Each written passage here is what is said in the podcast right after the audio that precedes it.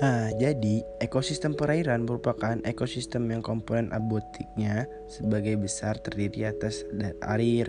Nah, makhluk hidup atau komponen biotik dalam ekosistem perairan dibagi dalam beberapa kelompok antara lain sebagai yang kita sebutkan tadi. Nah, mungkin itu saja yang bisa gue sampaikan di podcast gue di episode yang kali ini.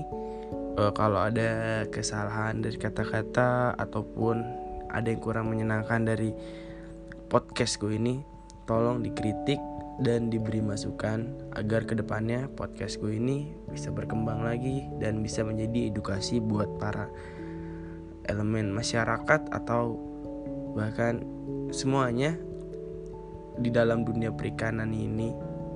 Ya, mungkin itu saja yang dari saya. Assalamualaikum warahmatullahi wabarakatuh